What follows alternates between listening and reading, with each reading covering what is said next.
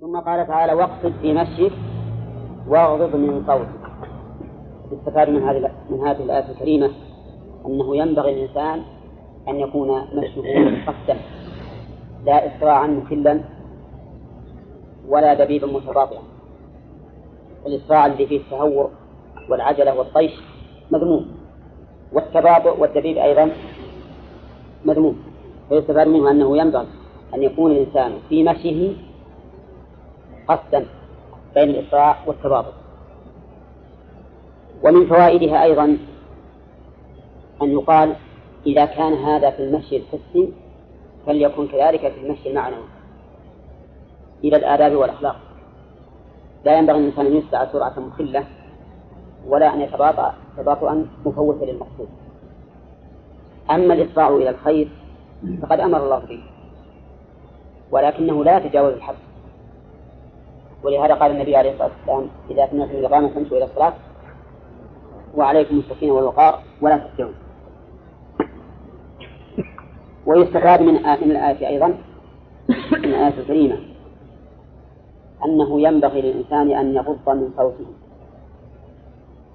بقوله واغضض من صوتك. وذكرنا أن أنه يشمل الكمية والكيفية فإنه في بعض الأحيان ينبغي رفع الصوت كما في الأذان والخطبة وما أشبهها. ويستفاد منه من الآية الكريمة أن رفع الصوت في غير محله محرم. لقوله إن أنكر الأصوات لصوت الحميد. فإن هذا التشبيه يقتضي التنفير منه. وقد قال النبي عليه الصلاة والسلام ليس لنا مثل السوء و وفي ومن فوائد الآية الكريمة ذم أصوات الحميد. لقوله إن أنكر الأصوات إلى صوت الحميد. وهل يؤخذ منها أن الجار أن يطالب جاره إذا كان عنده حمار حمار نهاك ببيعه وإزالته ولا لا؟ أيوة. لا أي نعم. له أن يطالب بذلك. إذا كان نهيقه غير معتاد. لأن بعض الحمير كثير النهيق فعلى هذا له أن يطالب. مثل ما قال الفقهاء رحمهم الله إن له أن يمنعه من الرحى التي يطحن بها دائما وكذلك من من تغسيل الثياب ودقها دائما. كل ما يؤذي الجار فلجاره أن يمنع منه فإذا كان قد وصف النهيق بأنه أنكر الأصوات فإنه له أن يطالب فيقول بيع هذا الحمار وإلا اجعله في محل آخر حتى لا أتأذى به. نعم. نعم. له أن يطالب جاره بذلك. يعني لو أنه صار يرفع أصوات المزامير والعياذ بالله والغناء فله الحق أن يطالب حتى وإن لم تزعجه لأن هذا منكر. لكن لو كان لو كان له جار يصعد إلى السطح في أيام الصيف وعنده مسجل فيه أشرطة من القرآن ثم يفتحها برفع صوت فلجاره أن يطالب بالماء نعم. نعم, نعم. ليه؟ لو قال كيف ما نسمع عني حتى من القرآن. نقول لا ما أمنعك أنا أقول استمع لكن أخفض الصوت. يعني هذا يؤذيني. وليس يؤذيني لأني أكره القرآن لكن أنا أريد النوم. وأولادي يريدون النوم وأهلي يريدون النوم. والنبي عليه الصلاة والسلام يقول لا يجهر بعضكم على بعض في القرآن. فله أن يمنع مع أن هذه عند العامة أمرها كبير. يعني لو أحد طلب منع جاره من أن لا يرفع صوته بقراءة القرآن. لحمل الناس عليه راية الاستنكار ولكن لا لا هم العامة ما لهم إنكارهم أو إقرارهم ليس له أصل. نعم. ليس فيه نعم.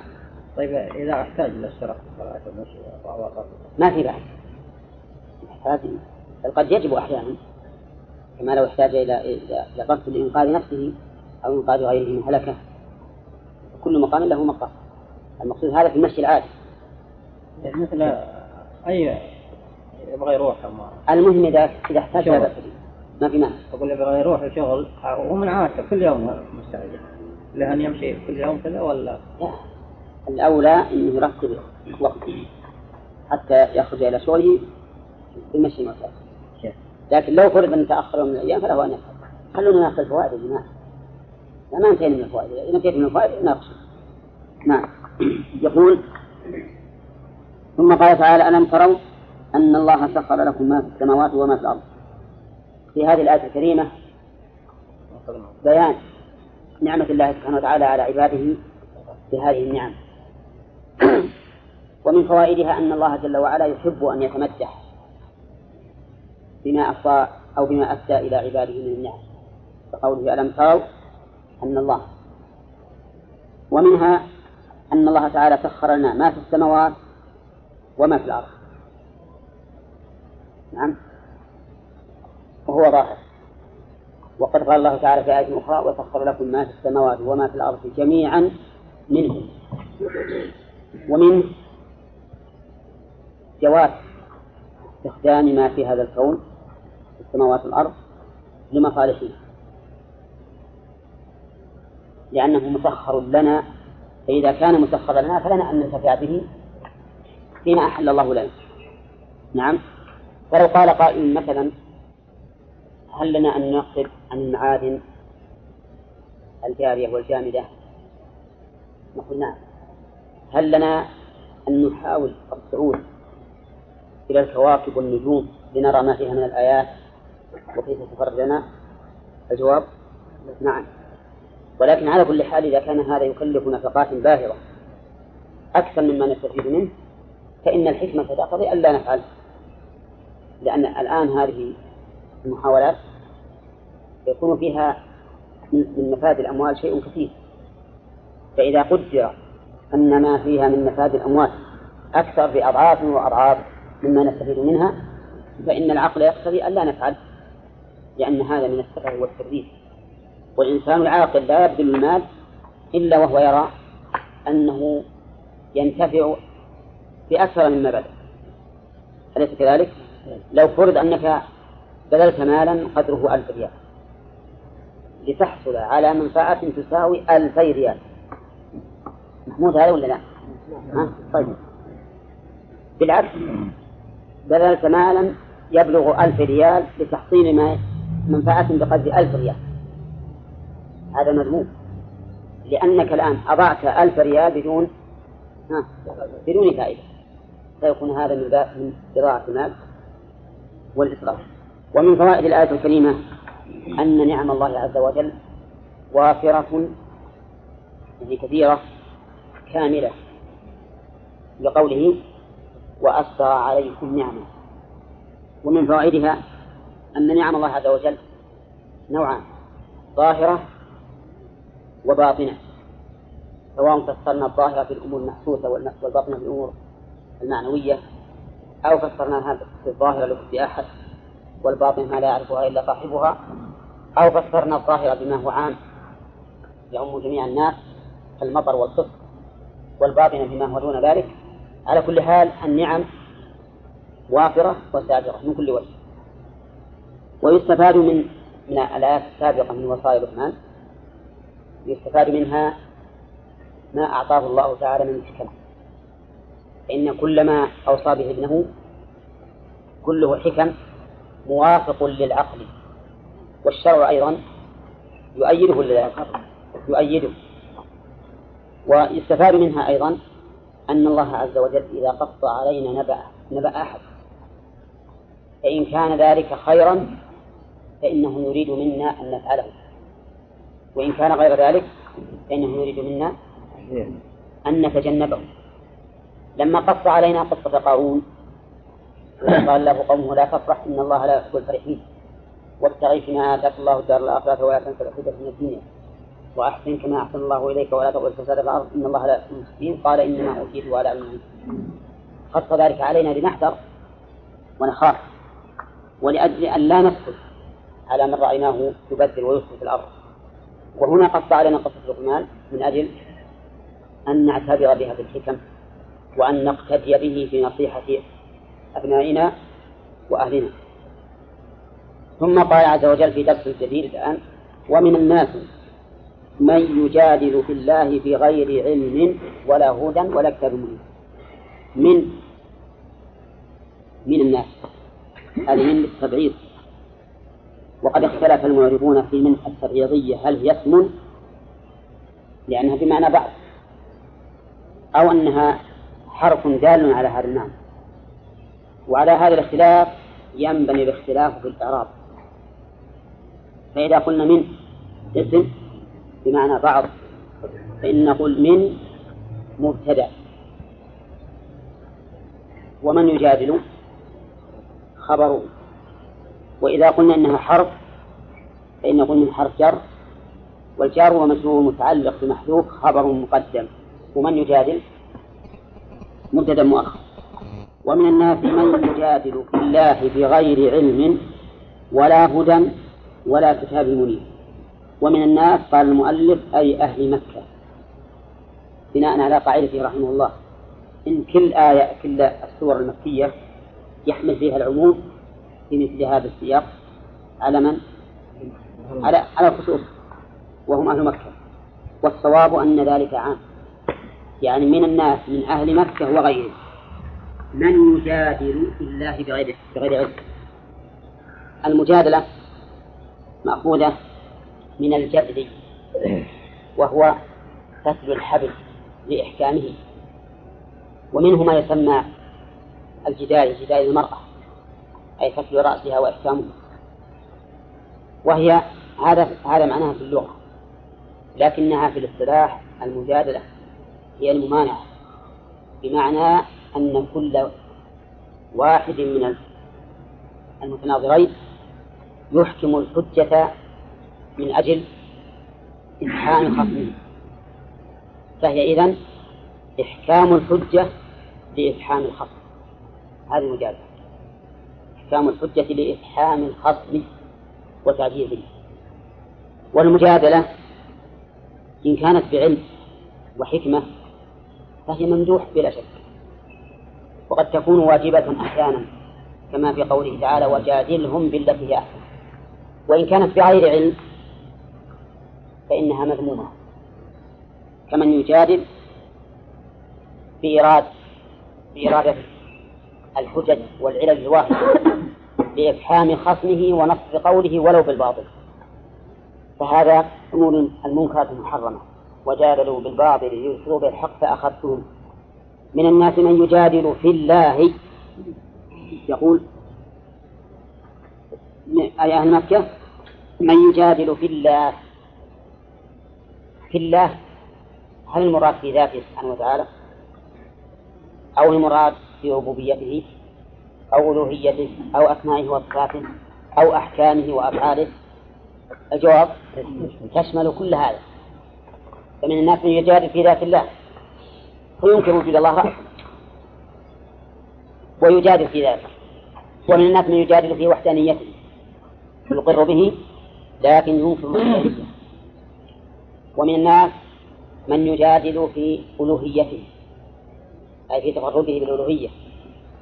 ومن الناس من يجادل في أسمائه وصفاته وأكثر ما وقع فيه الجدل بين المسلمين في باب الأسماء والصفات بين المسلمين مو بين المسلمين والكافرين لكن المسلمون الذين ينتسبون إلى الإسلام ويسمون أهل القبلة هؤلاء كثر الجدل بينهم في باب أسماء الله وصفاته. كذلك من الناس من يجادل في أحكام الله وما أكثر المجادلين في أحكام الله. تجد تجده يجادل يقول هذا الشيء حرام ثم يأتي ويجادل. وش اللي حرمه وش الفرق بينه وبين كذا؟ وهذا الدليل وهذا الدليل منقوض وهذا التعليل وهذا التعليل باطل وهكذا. بغير علم. أما إذا كان بعلم فليس فيه دم.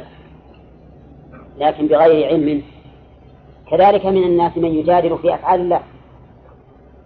يجادل في أفعال الله والعياذ بالله فيقول لماذا أنعم الله على هؤلاء الكافرين بالنعم الكثيرة؟ ومن المسلمين من هو في جهد شديد؟ ومرض وفقر وجهل وما أشبه ذلك. هذا يجادل في أفعال الله.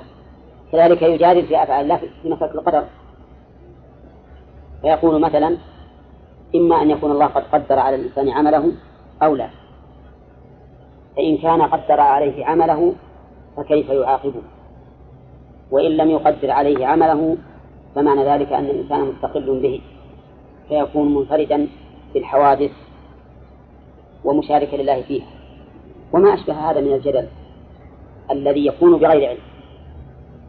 ولهذا ينبغي للإنسان في مسائل الشرع وفي مسائل القدر أن يستسلم لما دل عليه الكتاب والسنة وأن لا يجادل لأنه إن فتح على نفسه باب الجدل ما يستقر له قدم أبدا. ولهذا قال ابن حجر رحمه الله إن المسائل العقلية ما لا دخل في الأمور الخبرية لأننا لو أردنا أن نثير هذه الأمور على العقل فإن العقل قد يجوز ما كان ممتنعا شرعا غاية الامتناع. كما أنه قد يمنع ما هو جائز. والمراد بالعقل ما ادعى صاحبه أنه عقل. أما العقل الصحيح الصريح فإنه لا بد أن يوافق النقل الصحيح. وإذا شئتم أن يتبين لكم هذا فاقرأوا كتاب الشيخ الإسلام ابن تيمية إن أطقتموه. المسمى بكتاب العقل والنقل أو موافقة صريح المعقول لصحيح المنقول نعم. المهم أن الجدل بابه واسع والكلام هنا في المجادلة المذمومة. وهي المجادلة بغير علم. بغير علم. إذا في الله في ذاته بعد ربوبيته ألوهيته أسمائه وصفاته أحكامه أفعاله. نعم. بغير علم يعني ما عنده علم ذاتي ولكنه مكابرة ومعاندة ولا هدى ولا هدى من رسول يعني ولا عنده اهتداء بغيره فهو ليس عنده علم في نفسه يهتدي به وليس عنده علم من غيره يهتدي به ولا هدى. ولا كتاب منير. ولا كتاب منير أنزله الله تعالى بل بالتقليد. هو ما عنده علم ولا اهتداء بهدي رسول ولا كتاب أنزله الله فيهتدي به. إذا بماذا يجادل؟ يجادل بالباطل. وقال المؤلف بالتقليد لقوله وإذا قيل لهم اتبعوا ما أنزل الله.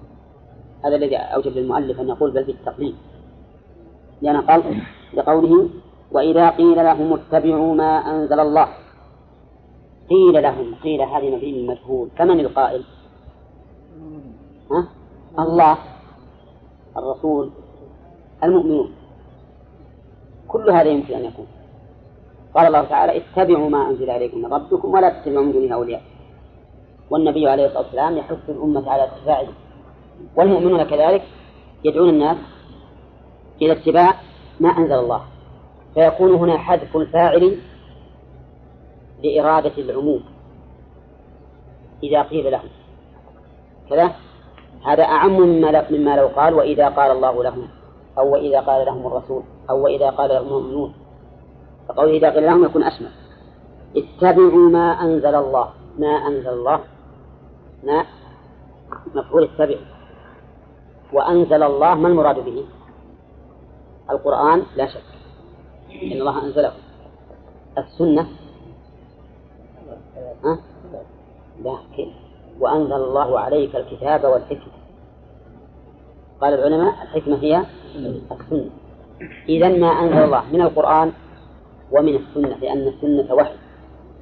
إن كان الله أوحاها إلى رسوله وإلا فإقراره سبحانه إياها بمنزلة وحي. ولهذا قال العلماء إن إقرار النبي صلى الله عليه وسلم بمنزلة مفعول مو بمنزلة بمنزلة قول. نعم. وإذا قيل لهم اتبعوا ما أنزل الله قالوا بل نتبع بل للإضرار. الإبطالي أو الانتقالي؟ الإبطالي. يعني بل لا نتبع ما أنزل الله. نعم. وإنما نتبع ما وجدنا عليه آباءنا. هذا معارضة معارضة حق بباطل لأنهم الآن عدلوا عما أنزل الله عز وجل إلى الآراء فقط والأهواء ما وجدنا عليه آباءنا ولو كان شركا ها؟ ولو كان شركا ها؟ ولو كان شركا طيب ولو كان طاعة يمكن نقول نعم هم يقولون ولو كان طاعة. فيكون اتباعهم لما عليه آباؤهم لا لأنه شرع ولكن لأن عليه آباءهم. وحينئذ فلا يكون اتباعهم اتباع آبائهم في هذه الحال اتباعا للشرع ولا اتباعا محمودا. وعلى هذا فنقول في من دعي إلى الكتاب والسنة وقال أنا أريد أن أتبع فلانا الإمام الفلاني أو أو العالم الفلاني مع بيان السنة ووضوحها. يكون مشابها لهؤلاء المشركين؟ نعم يكون مشابها لهم. قال الله عز وجل أولو كان الشيطان يدعوهم إلى عذاب السعير. أولو كان. هذا استفهام يتلوه حرف عطف. وقد تقدم لنا مرارا وتكرارا بأن حرف العطف إذا ولي الاستفهام ففي إعرابه قولان أحدهما أن همزة الاستفهام دخلت على محذوف عطف عليه ما بعد حرف العطف ما بعد حرف العطف. ويقدر هذا المحذوف بحسب السياق. وعلى هذا فهمزة الاستفهام في مكانها والمستفهم عنه آه يعني مدخول الاستفهام محذوف. والقول الثاني أن الواو حرف عطف. والمعطوف عليه ما سبق. ومحل الهمزة بعد حرف العطف. وقلنا إن هذا أهون من الأول. الأول أبلغ في التقعيد وهذا أسهل. ووجه سهولته أن الأول قد يخفى على الإنسان ماذا يقدره وربما يصعب أحيانا تقدير شيء مناسب. وأما هذه فلا تحتاج إلى شيء. تقول معطوفة على ما سبق. أما المؤلف فمشى على أي القولين؟ أيتبعونه ولو كان الشيطان. على الأول. أن حرف الاستفهام دخل على شيء محذوف وأن حرف العطف معطوف على ذلك شيء محذوف. عاطف على ذلك شيء محذوف. أولو كان الشيطان يدعوهم إلى عذاب السعير أي موجباته؟ لا. نعم. يقول الله عز وجل أيتبعون أهواء آباءهم دون ما أنزل الله حتى في هذه الحال وهو أن الشيطان يدعوهم. يدعو الآباء ولا يدعو هؤلاء؟ أظنها تشمل هؤلاء والآباء إلى عذاب السعير يعني إلى ما يوجب عذاب السعير من أعمال الشرك والكفر وغيره نعم. الاستفهام ظاهر كلام المؤلف أنه للإنكار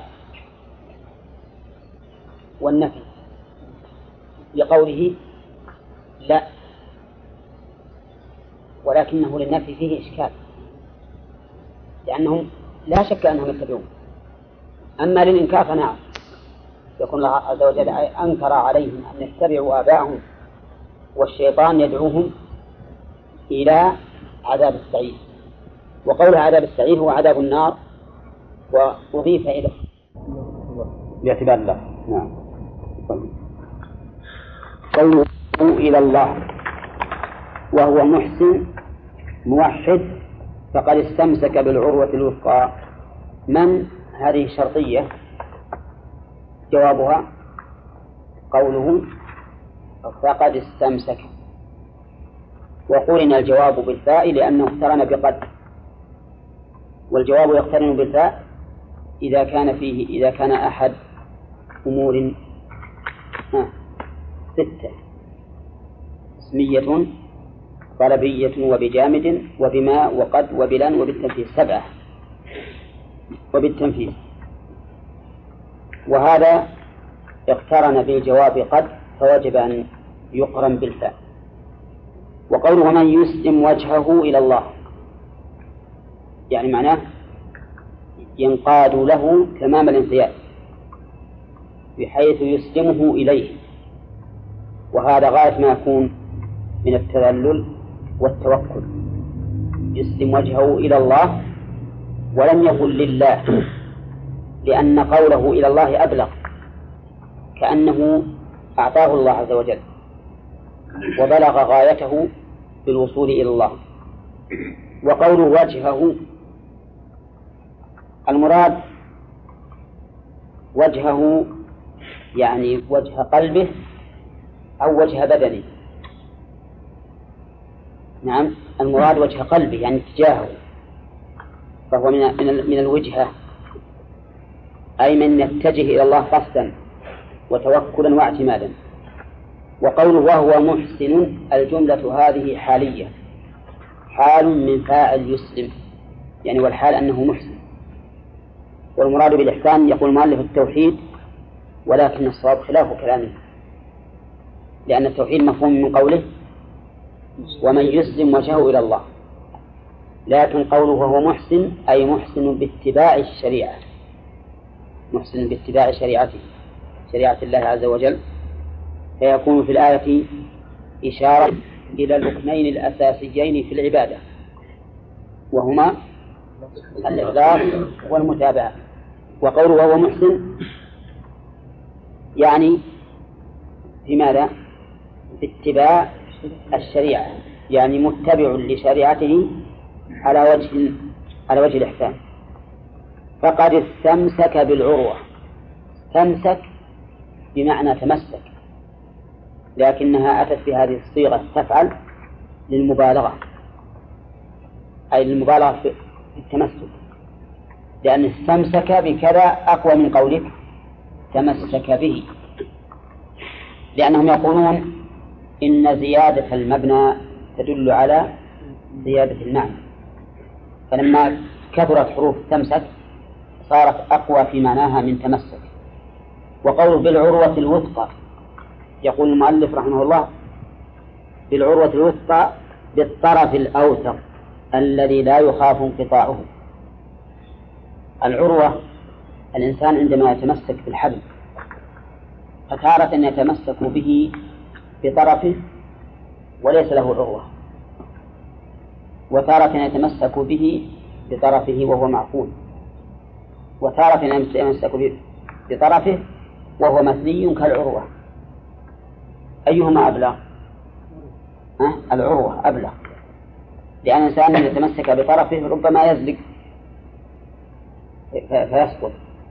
وكذلك بطرفه معقودا ما يتمكن مثل ما يتمكن بطرفه إذا كان عروة. والوثقى مؤنث أوثق. يعني العروة التي هي أوثق شيء. نعم. ولا ريب أن رحمك الله. أن من أسلم وجهه إلى الله محسن فإنه سينجو من كل مكروه ويفوز بكل مطلوب. لأن هذا هو الطريق الأمثل الذي يوصل إلى الله عز وجل أن تسلم وجهك إليه وأنت محسن. هل ورد مثلها في القرآن؟ استمسك بالعروة الوثقى فمن يكفر بالطاغوت ويؤمن بالله فقد استمسك بالعروة الوثقى. نعم.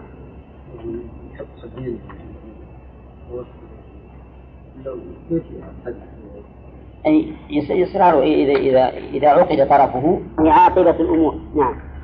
وإلى الله عاقبة الأمور.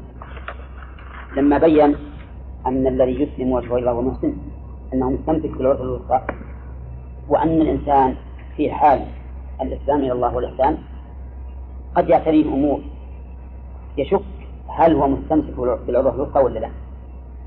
مثل أن يتخلف عنه النصر في يوم من الأيام وما أشبه ذلك فيخشى أن يكون على غير حق. فبين الله تعالى أن عاقبة الأمور إلى الله عاقبة الأمور إلى الله. وهذا كقوله تعالى ولينصرن الله من ينصره إن الله لقوي عزيز الذين إن مكناهم في الأرض أقاموا الصلاة وآتوا الزكاة وأمروا بالمعروف ونهوا عن المنكر. ولله عاقبة الأمور. لأن الإنسان قد يقول ما قيمة هذه الأشياء بالنسبة للقنابل والصواريخ وما أشبه ذلك؟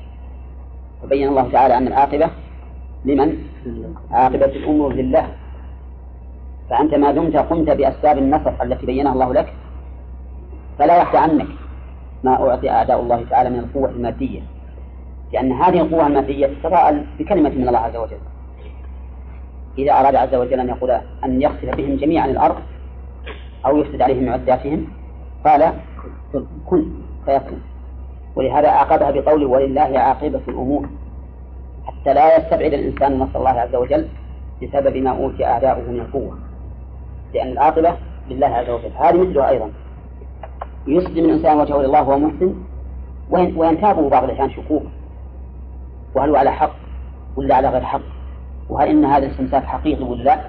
فبين الله تعالى أن عاقبة الأمور إلى الله وأنك متى أسلمت وجهك إلى الله وأنت محسن فلا بد أن تنتهي وقوله وإلى الله عاقبة الأمور إلى تفيد إيش؟ معناها تفيد الغاية. يعني غاية عاقبة الأمور إلى الله لا إلى غيره هو الذي يدبر الأمور كيف يشاء حتى تصل إلى ما يريده سبحانه وتعالى. وقولها الأمور جمع أمر واحد الأمور يعني الشؤون كل الشؤون الدينية والدنيوية العامة والخاصة كلها عاقبتها إلى الله. هذا قسم من الناس الذي أسلم الله وجهه له مسلم الثاني الكافر. قال ومن كفر فلا يحزنك يا محمد كفره. لا تهتم بكفره إلينا مرجعهم إلى آخره. قال من كفر فلا يحزنك. من هذه شرطية؟ وفعل الشرط كفر وجوابه قوله فلا يحزنك وقرن بالفاء لأن الجملة اسمية جملة اسمية فلا يحزنك وقوله ومن كفر هذا عام. من الأقارب والأباء. لأن الرسول عليه الصلاة والسلام يحزن بكفر الكافرين سواء كان أقارب له أم أباعد وقوله فلا يحزنك يا محمد أبان المؤلف رحمه الله أن الخطاب في قوله فلا يحزنك لمن؟ للرسول صلى الله عليه وسلم. ويحتمل أن يكون موجها للرسول عليه الصلاة والسلام ولكل من يصح خطابه ممن شأنه أن يحزن إذا كفر عباد الله. فيكون على هذا المعنى أعم مما قال المؤلف. وقوله فلا يحزنك كفره. ما هو الحزن؟ الحزن هو ضد السرور. وإذا قيل حزن وخوف صار الحزن على الماضي والخوف للمستقبل. نعم. وقد يطلق الحزن على الخوف كما في قوله تعالى إذ يقول لصاحبه لا تحزن إن الله معه. يعني لا تحزن أي لا تخف إن الله معه. على أنه يحتمل أن المعنى لا تحزن على ما فعلنا من اللجوء إلى هذا الغار فيكون على بابه على الأصل. وقوله فلا يحزنك قال المؤلف لا تهتم بكفره. وظاهر كلامه أن الحزن هنا بمعنى الاهتمام بالشيء يعني لا يهمنك أمره ولكن الحزن أخص من الاهتمام. فإبقاء الآية على ظاهرها وهو أن الرسول عليه الصلاة والسلام يحزن إذا إذا كفر الناس وكذلك من كان ناصحا لله ولرسوله يحزن إذا كفر الناس أو قل إن حملها على ظاهرها. أولى. وفعلا الإنسان الناصح يحزن إذا كفر الناس. يحزن لأمرين أولا رحمة بهؤلاء الذين كفروا والثاني حزنا على ما فات الإسلام من كثرة متبعيه. لأن كثرة متبعي الإسلام نزل للإسلام أليس كذلك؟ وش الدليل؟ أن الكثرة عز قول الرسول صلى الله عليه وسلم. وغيرها من القرآن. في, في القرآن آيتان تدل على أن كثرة عز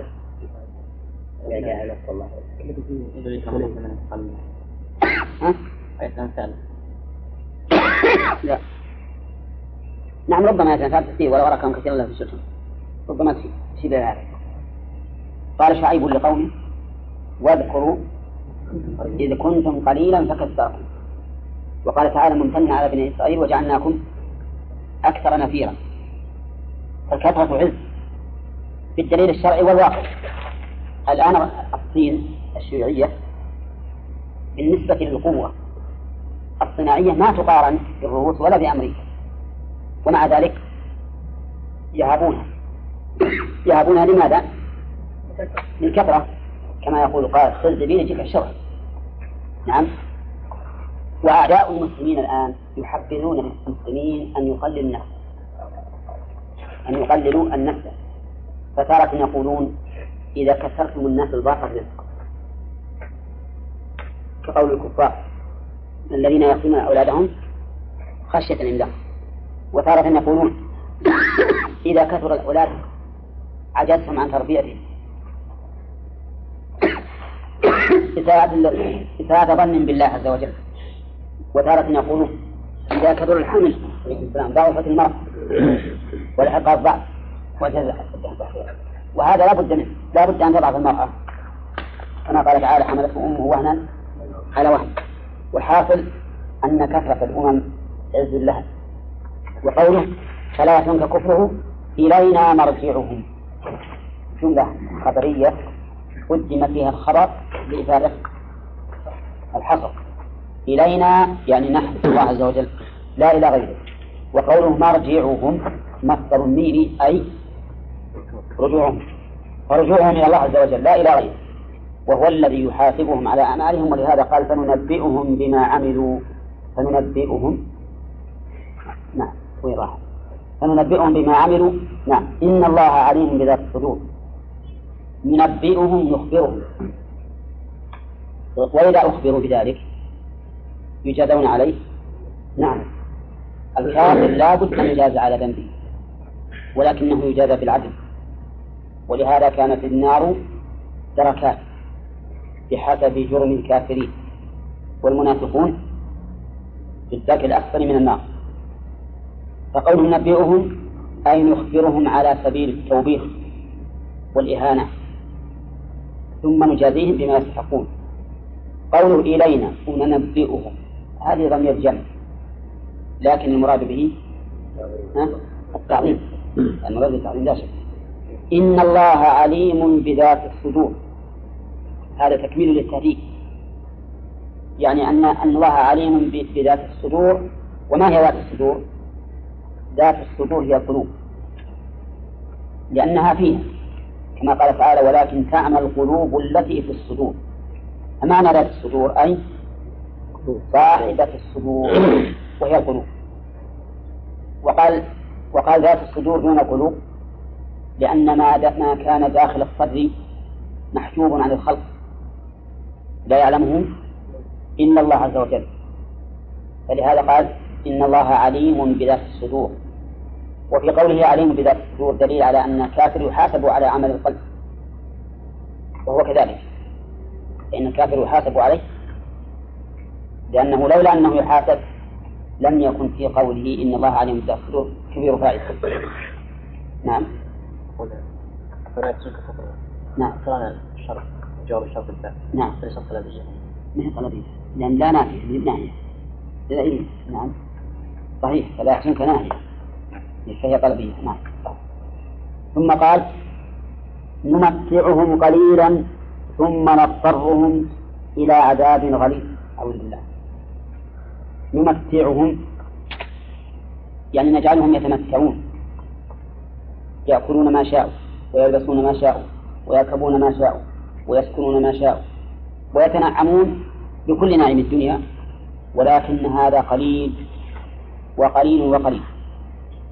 يقول الرسول عليه الصلاة والسلام لموضع صوت أحدكم في الجنة خير من الدنيا وما فيها موضع الصوت. خير من الدنيا من هي الدنيا كلمت فيها فقط؟ من أولها إلى آخرها. نعم من الدنيا وما فيها. هؤلاء والعياذ بالله يمتعون قليلا. وما أقل الدنيا ومتاعها. كل ما مضى من الدنيا إلى ساعتك الحاضرة كأنه لم يكن كأنه أضعاف أحلام يعمر الإنسان فيها ما يعمر ومع ذلك يوم يرون ما يوعدون كأن لم يلبثوا إلا ساعة من نهار فهم يمتعون قليلا والقلة هنا باعتبار نوع المتاع وباعتبار زمنه. فنوع المتاع بالنسبة لما في الآخرة قليل ولا ولا كثير؟ قليل قليل جدا ولا سينسى قال ابن عباس ليس في الدنيا مما في الآخرة إلا الأسمى كذلك بالنسبة للزمن الزمن قليل. أليس كذلك؟ ولا ينسب أيضا لا ينسب إلى زمن الآخر الأبدي. نمتعهم قليلا وقد بين الله تعالى في آية أخرى صفة هذا التمثيل فقال جل ذكره والذين كفروا يتمتعون ويأكلون كما تأكل الأنعام. هو النار مثوى لهم. هذا صفة هذا التمتع. شهوانيين ليس لهم إلا شهوة البطن وشهوة الفرد. كما كما تفعل الأنعام تماما. وقال ثم نضطرهم إلى عذاب غليظ. ثم يعني بعد هذا التمثيل القليل نضطرهم في الآخرة إلى عذاب غليظ وهو عذاب النار لا يجدون عنه محيصا. نعم نضطرهم يعني نلجئهم نضطرهم يعني نلجئهم فمن اضطر غير باغ يعني فمن ألجئ. وهذا أصله مأخوذ. من الإلجاء إلى إلى إلى الضرر. لأن نضطر أصله نضطر فلهذا كل شيء يلجئ الإنسان يسمى ضرورة لأنه يلجئه إلى هذا الشيء.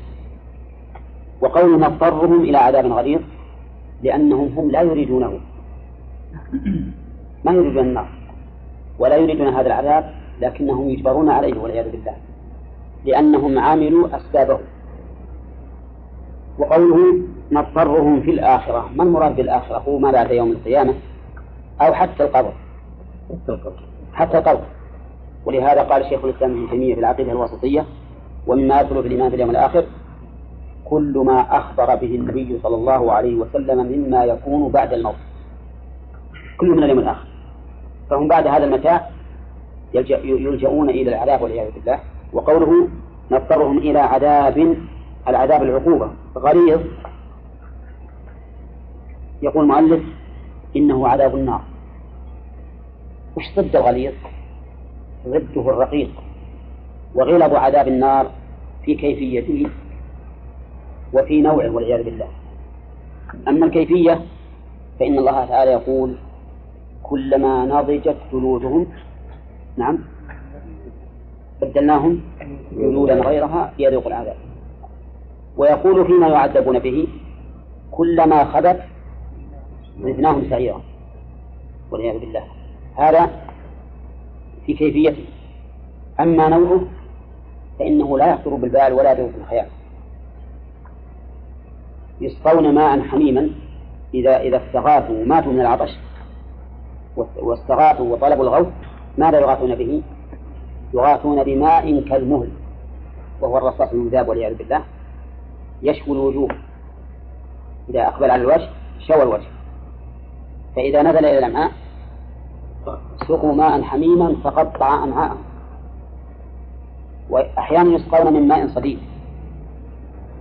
يتجرعه ولا يكاد يثيره ويأتيه الموت من كل مكان وما هو بميت. ومن ورائه عذاب غليظ.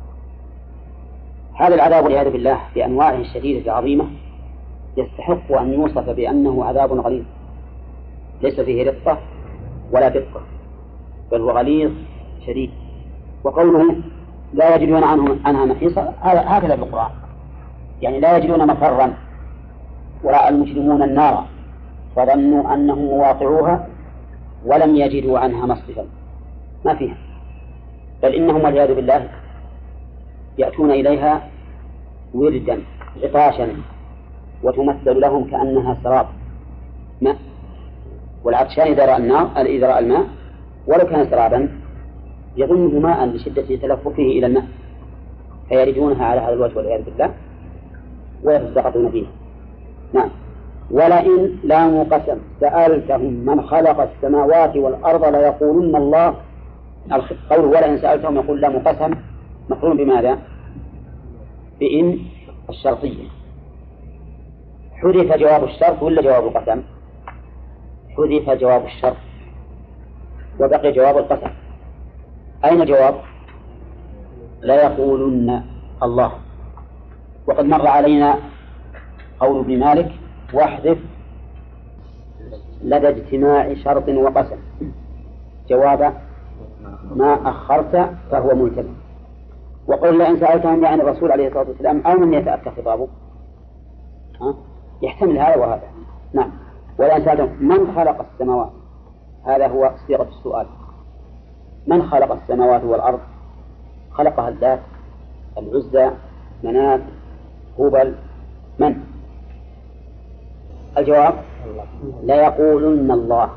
هم يعترفون بأن خالق السماوات والأرض هو الله عز وجل. وقول لا يقولون هي جواب القسم.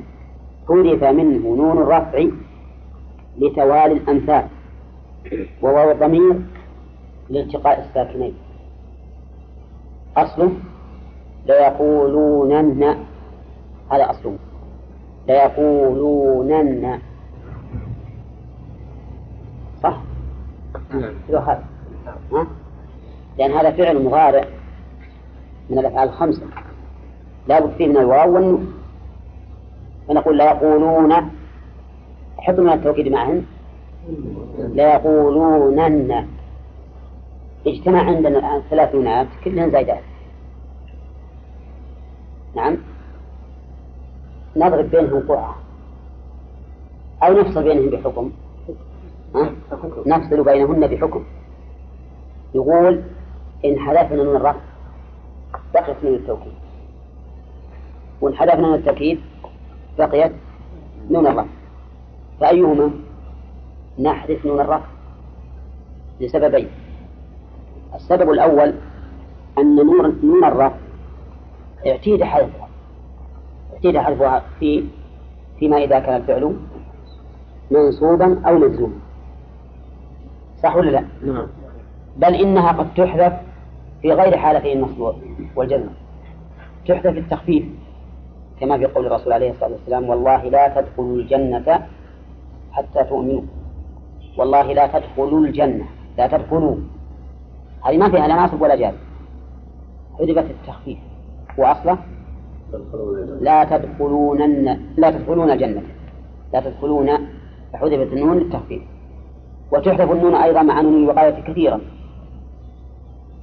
تحذف مع نون الوقاية كثيرا. إذا فهي أحق بالحذف. فتبقى نون التوكيد لأننا لو حذفنا نون التوكيد فات المقصود ونحن نريد أن نؤكد الفعل. نريد أن نؤكده. وتأكيد الفعل هنا ونحن قد بحثنا في درس جديد في النحو توكيد الفعل هنا واجب ولا غير واجب؟ يقولون واجب لأنه مثبت في قسم مستقبل غير مفصول بل... نعم. لم يفصل بين لامه وبين فعله. فيكون توكيده واجبا. طيب إذا نبقي النون. فإذا قالت نون الرفع أكون جميعا؟ مستجمين ليقولونن. قالوا لنا ما هذا نقول ما يمكن. لأن نون الرفع زائدة ونون التوكيد زائدة. فلا يمكن يجتمع عندنا ثلاثة حروف كلها زائدة في مكان واحد. نعم. عشان نتحمل حرف أو حرفين. إذا نقول لابد من حذف لكن وأنت يا من الرفع. ها؟ أولى بالحذف. تمشي تجي عاد الواو مع نون التوكيد. الواو ضمن ساكن يقولوا ساكن. ونون التوكيد مشددة فالحرف الأول منها. ساكن نعم. اجتمع ساكنان ما يمكن. يجتمع ساكنين. نعم. ما يمكن يجتمع وش السبب؟ لأن السكون والحركة نقيضان فلا يمكن يجتمع شيء ساكن ساكن. فإذا لابد من أن نعمل عمل يفكنا من اجتماع الساكنين. ما هو العمل؟ العمل إن كان الحرف صحيحا اللي قبل الساكن إيش نعمل فيه؟ نكسر إذا كان الحرف الذي قبل الساكن صحيحا كسرناه. وإن كان الحرف غير صحيح حرف لين فإننا نحذفه. قال ابن مالك إن ساكنان التقيا اكسر ما سبق. وإن يكن لينا فحذفه استحق فهنا الساكن الأول لا يقول الواو. حرف لين ولا ولا ولا صحيح؟ إذا نحذفه. نحذفه. فتلتقي اللام مع النون. فيقولن. فصار عندنا الآن في, في, هذا الفعل عندنا حذف. حذف النون علل لتوالي الأمثال. حذف واو الرفع لاتقاء الساكنين. وعلى هذا يقول المؤلف حذف منه نون الرفع لتوالي الأمثال وواو الضمير لالتقاء الساكنين طيب ما إعراب قوله الله ليقولن الله. خبر آه، فعل فاعل لفعل محذوف. التقدير خلقهن الله. ويدل لذلك قوله تعالى ولئن سألتهم من خلق السماوات والأرض ليقولن خلقهن العزيز العليم. ليقولن خلقهن. فذكر الله تعالى الفعل. إذا فهنا المحذوف إيش؟ الفعل؟ نعم. هل يصح أن نقول إن المحذوف اسم؟ التقدير هو الله؟ ها؟ يصح لكن خلاف الأولى لأن الجواب هو أو لأن السؤال معاد في الجواب. والسؤال بلفظ الفعل من خلق. فيقتضي أن يكون الجواب ها؟ كالسؤال بالفعل خلقهن. كذا؟ طيب. فإذا يقول الله قال الله تعالى قل الحمد لله. قل يعني إذا أقروا واعترفوا قل الحمد لله. الحمد مبتدأ الله خبره الحمد لله على إيش؟ على ظهور على ظهور بيان الحجة وظهور المحجة. الآن هم اعترفوا بماذا؟ بأنهم على ضلال في شركهم فالحمد لله هنا على بيان الحجة وإظهارها وأنهم خصموا بذلك لأنهم إذا أقروا واعترفوا أن خالق السماوات والأرض هو الله وأن هذه الأصنام لا تخلق فقد أقروا على أنفسهم بماذا؟ بأن هذه الأصنام لا تستحق العبادة ولهذا قل الحمد لله كما أن الحمد أيضا هنا ممكن أن نقول مع ذلك الحمد لله على خلق السماوات والأرض. أنه يحمد على أنه الخالق عز وجل دون غيره. فيحمد على ما له من صفات الكمال ومن جميل الأفعال. يقول بل نعم الحمد لله على ظهور الحجة عليهم. الحمد تقدم لنا مرارا وتكرارا بأنه هو وصف المحمود بالكمال.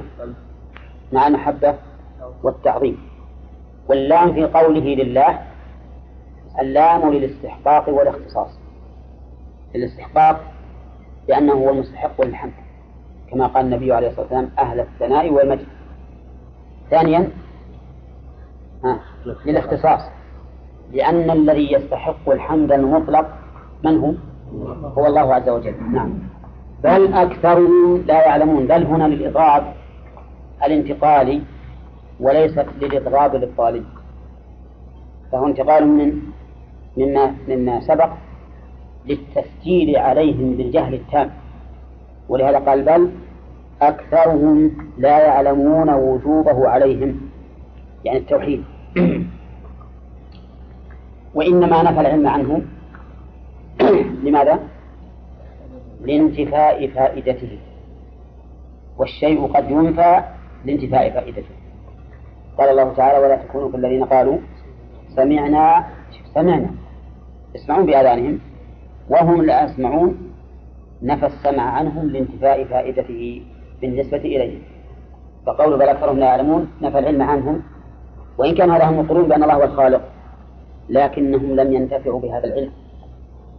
وأيهما أشد قبحا؟ جاهل لا يدري. وعالم لم ينتفع. الأخير. الأخير. أشد وأقبح. لأنه جاهل مركب. جاهل مركب. وذاك؟ جاهل بسيط ولأنه معاند مستكبر. ولا ضال. ضال غير معاند. والجهل المركب أشد. قبحا والعناد عن علم أشد من العناد عن جهل. يقول الشاعر بيتين بيتين ومن رام العلوم بغير شيخ يضل عن الصراط المستقيم وتلتبس العلوم عليه حتى يكون أضل من توم الحكيم. توم جاهل مركب يسمونه الحكيم. لكن هو غره أنهم سموه الحكيم وبدأ يفتي بكل شيء حتى أفتى بأنه من تصدق على إنسان بابنته فإنه يدخل الجنة. قال تصدق البيت الثالث تصدق بالبنات على رجال يريد بذلك جنات النعيم. هذا جاهل ولا هذه بنزلة إيه كيف؟ وخال انت محتاج إلى زواج شاب ولا عندك مرة ولا شيء فلا أعطيتك أمر الصدقه نعم. هكذا يقولون هنا لكن يمكن الجهل يمكن. يمكن يقيس بعقله يقول بدل ما اعطيه دراهم ويروح يخاطب نقطع الطريق. نقول هذه بدون دراهم. يبغى شرح هذا. المركب والبسيط هذا وش إيش معنى مركب وبسيط؟ إيه. المركب والبسيط تسمعه في البيتين الآتيين. قال حمار الحكيم توما؟ أما قال أضل من توما الحكيم؟ قال حمار الحكيم توما لو أنصف الدهر كنت أركب. لأنني جاهل بسيط وصاحبي جاهل مركب. عرف الفرق إيه الآن؟ معروف بس أقول يعني وش معروف انتهى لا أقول وش فرق؟ الحمار يقول إني جاهل بسيط وصاحبه اللي هو توما جاهل مركب. الجاهل هو الذي لا يدري أنه جاهل. جاهل ولا يدري أنه جاهل. هذا مركب. والبسيط الجاهل الذي يعلم أنه جاهل. المقصود ويتضح بالمثال. قال لك قائل متى كانت غزوة بدر؟ فقلت لا أدري. وش يسمى هذا؟ بسيط. هذا جهل بسيط. الإنسان لا يدري وعرف أنه لا يدري وقال ما أدري. وقال رجل لآخر متى كانت غزوة بدر؟ قال الحمد لله الذي فتح على على الفاتح على الجاهلين كان غزوة بدر في جماد الآخرة سنة 90